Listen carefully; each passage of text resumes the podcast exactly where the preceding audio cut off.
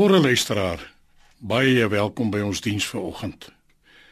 Kom ons bid eers saam. Geseënde Vader, wat 'n voorreg om vanmôre na U toe te kan kom. Wat 'n voorreg om ons harte oop te maak vir U, sodat U woord kan ingaan en in ons harte kan kom werk, sodat U deur ons verheerlik kan word. Ek bid dat U hierdie diens gaan seën en dat elkeen wat luister, Here ook die seën van U sal beleef en ervaar. Nie uit verdienste nie vra ons dit, maar alleenlik uit genade. Amen. Ons loflied tot eer van die Here.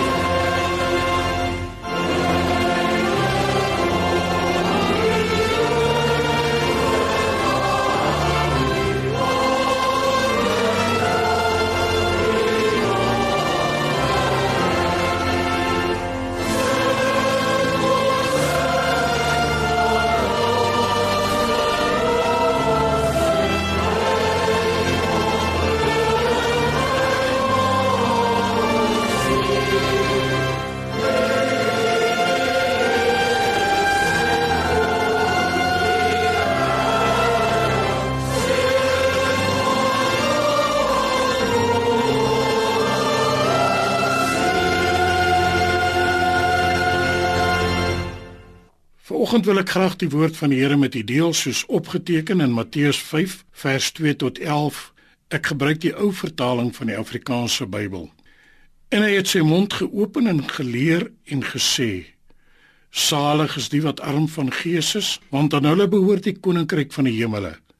Salig is die wat treur, want hulle sal vertroos word. Salig is die sagmoediges, want hulle sal die aarde beerwe. Salig is die barmhartiges, want aan hulle sal barmhartigheid bewys word. Salig is die wat rein van hart is, want hulle sal God sien. Salig is die vredemakers, want hulle sal kinders van God genoem word. Salig is die wat vervolg word ter wille van die geregtigheid, want aan hulle behoort die koninkryk van die hemele. Salig is julle wanneer die mense julle beledig en vervolg en valslik allerhande kwaad teen julle spreek om my ontwil. Ons teksgedagte vind ons in Matteus 5 vers 8. Salig is die wat rein van hart is, want hulle sal God sien. Ek wil dan graag vanmôre met u praat oor 'n rein hart. Jesus is op die berg besig met sy bergpredikasie wat die saligsprekinge insluit. Die bergrede spreek die gedrag en die gesindheid van die kind van God aan in die teenswoordige wêreld. Daar word 'n siening gehuldig dat wanneer 'n mens die bergpredikasie soos opgeteken in die evangelie volgens Matteus hoofstuk 5 tot die einde van hoofstuk 7 kan uitleef, jy 'n volmaakte mens sal wees. Wanneer ons na vers 8 van hoofstuk 5 kyk, sien ons dat hier van 'n hart gepraat word. 'n Hart wat gereinig kan word.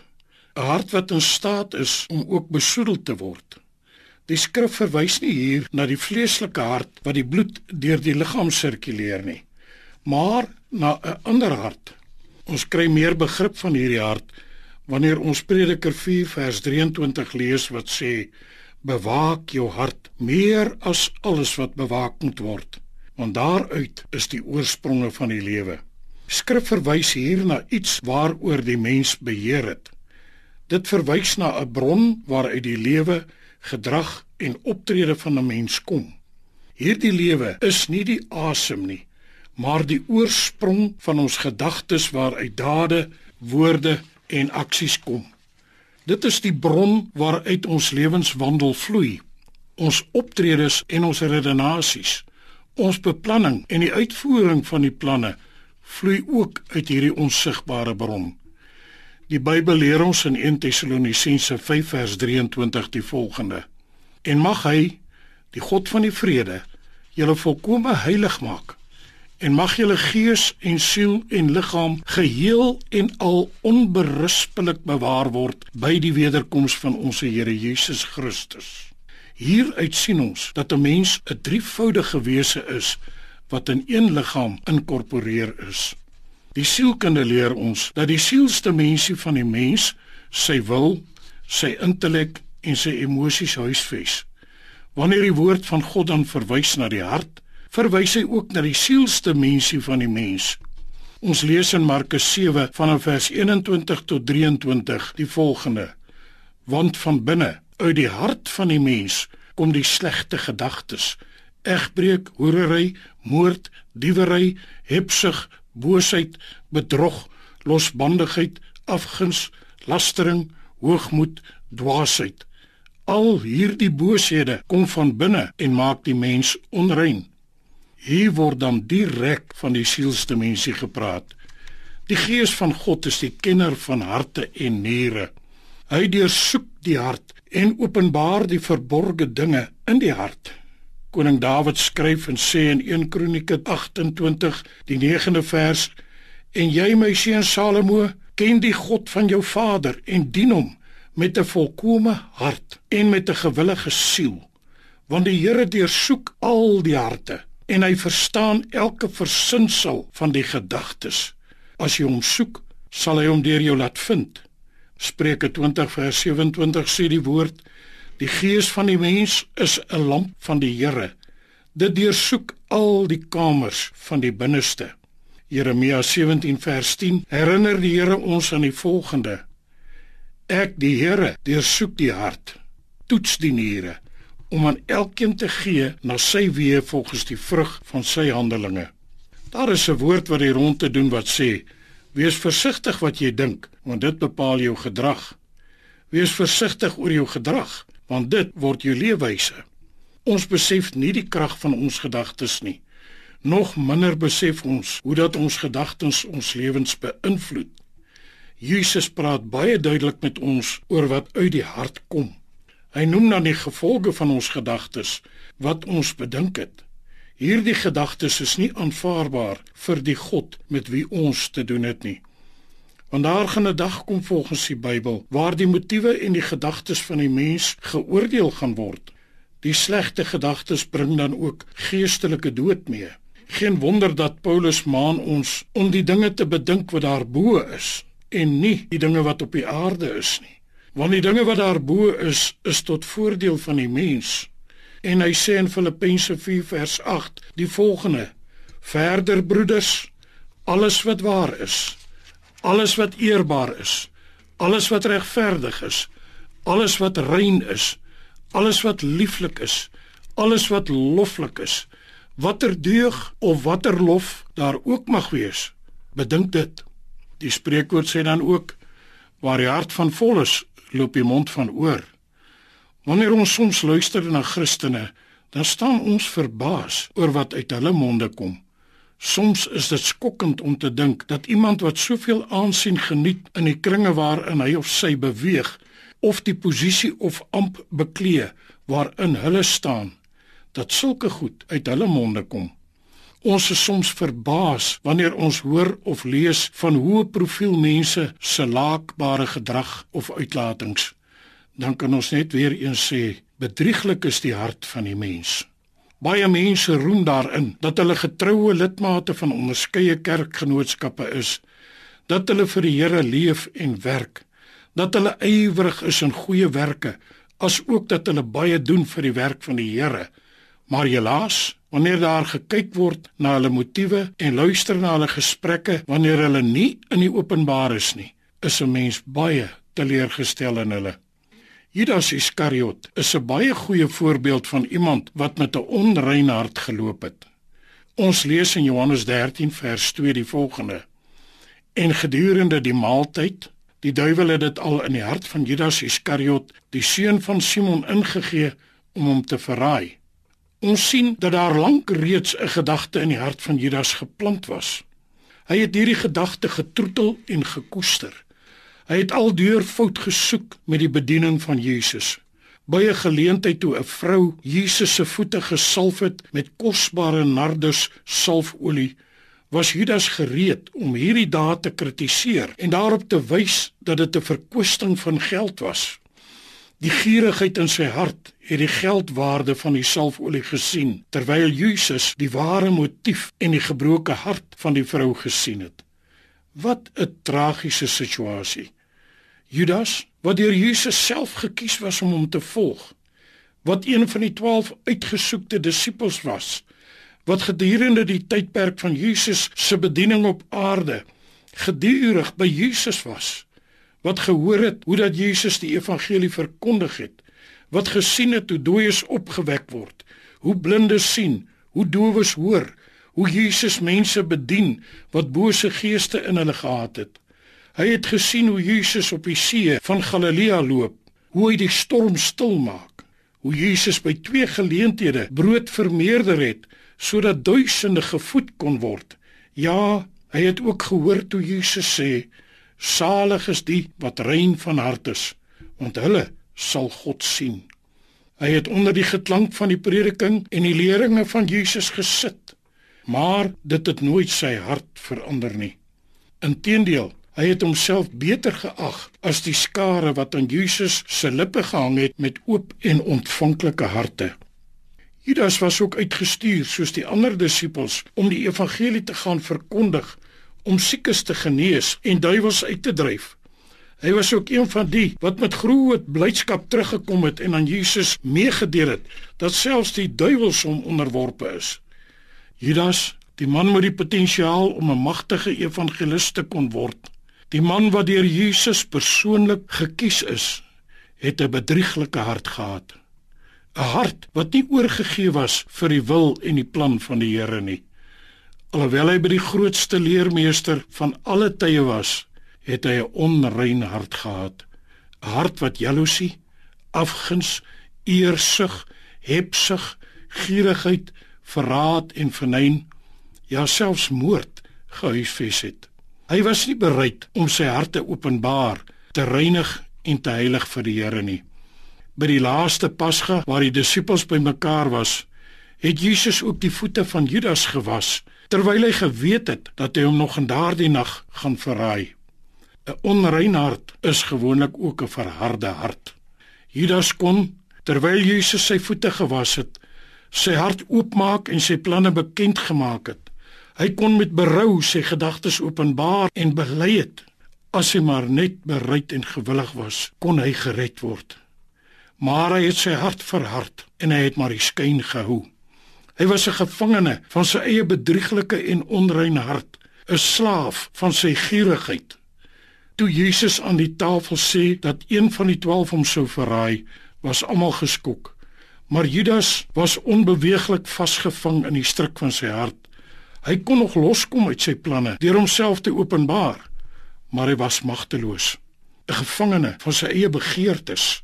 Almal om die tafel wou weet wie dit was, maar Jesus het hom nie uitgelewer nie.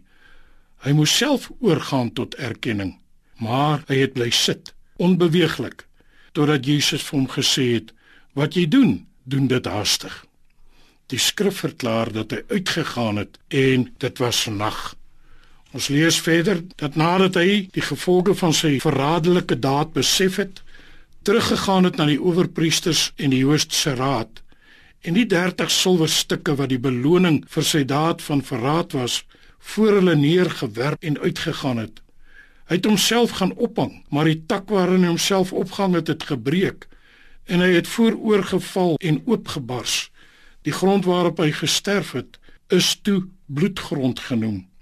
Die 30 silwerstukke wou die priesters nie in die skatkis terugsit nie, want dit was verraiersloon. Daarmee het hulle 'n stuk grond gekoop wat as begrafplaas vir vreemdelinge gedien het.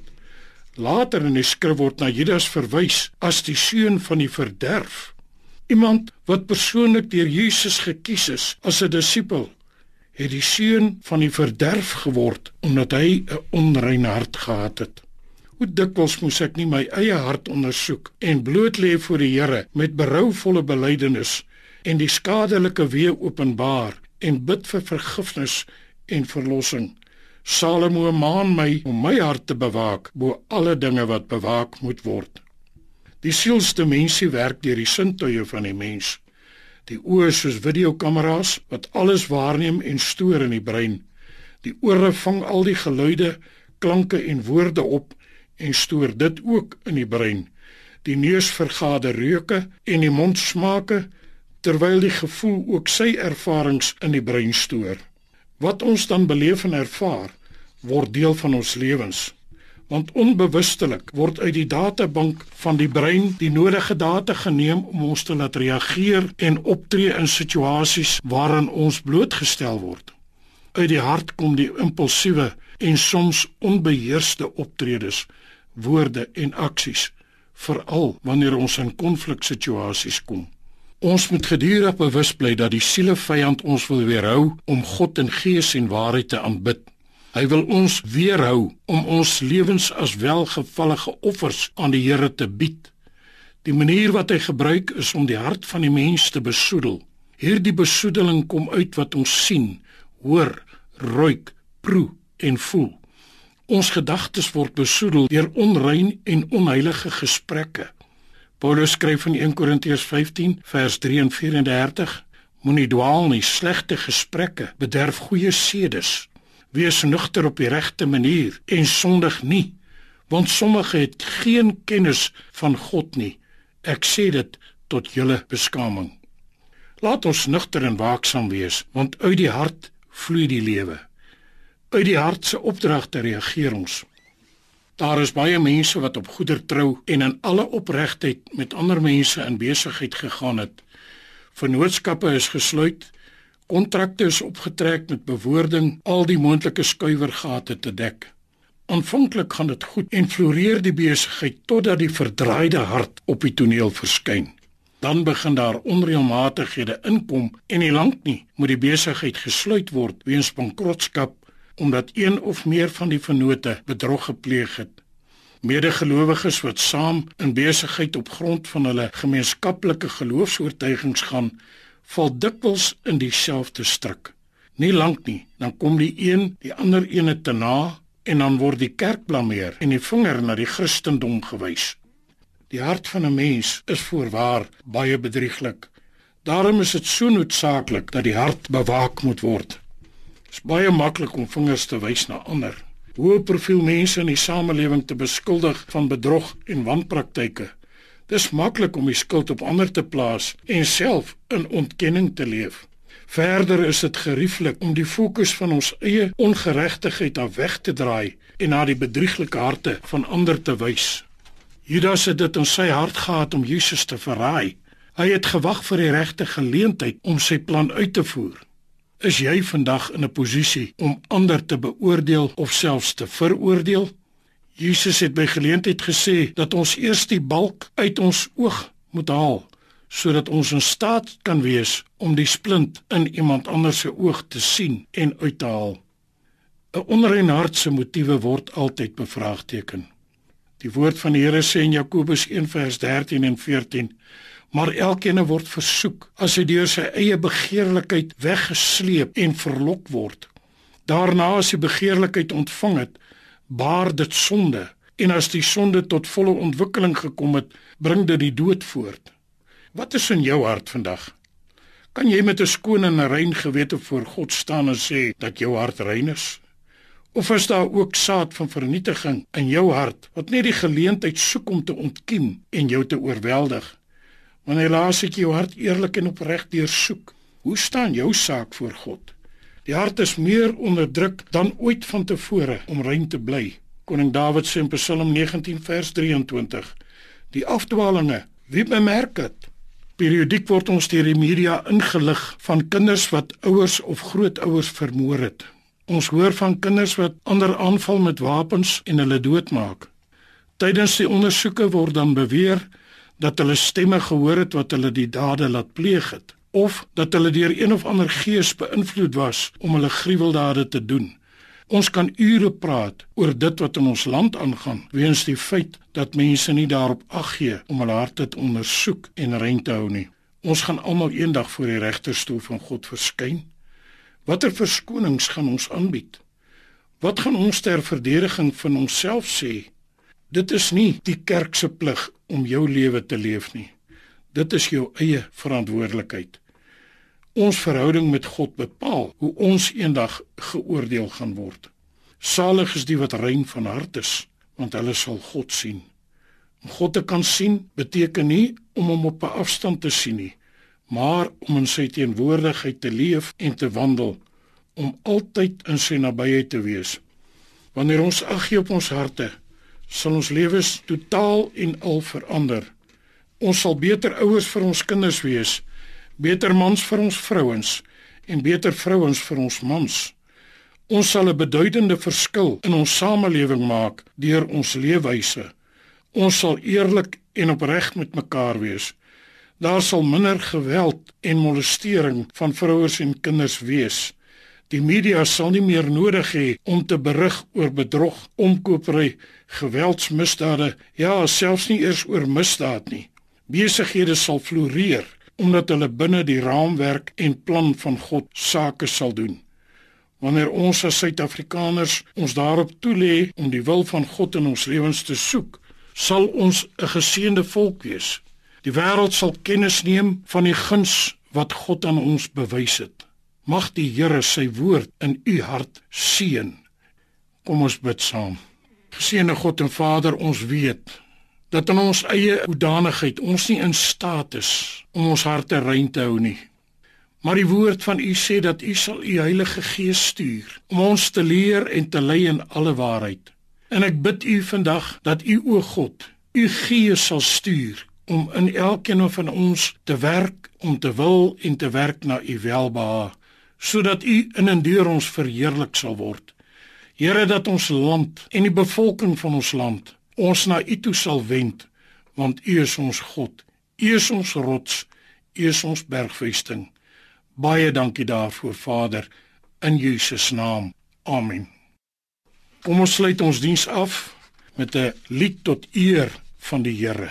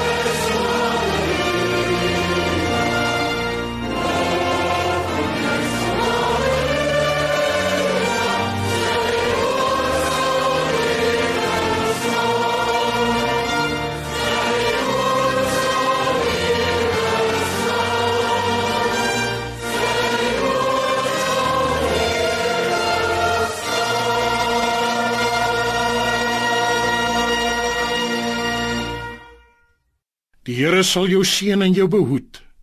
Die Here sal sy aangesig oor jou laat skyn en jou genadig wees. Die Here sal sy aangesig oor jou verhef en aan jou vrede gee. So moet julle dan my naam op die kinders van Israel lê en ek sal hulle seën. Amen. thank you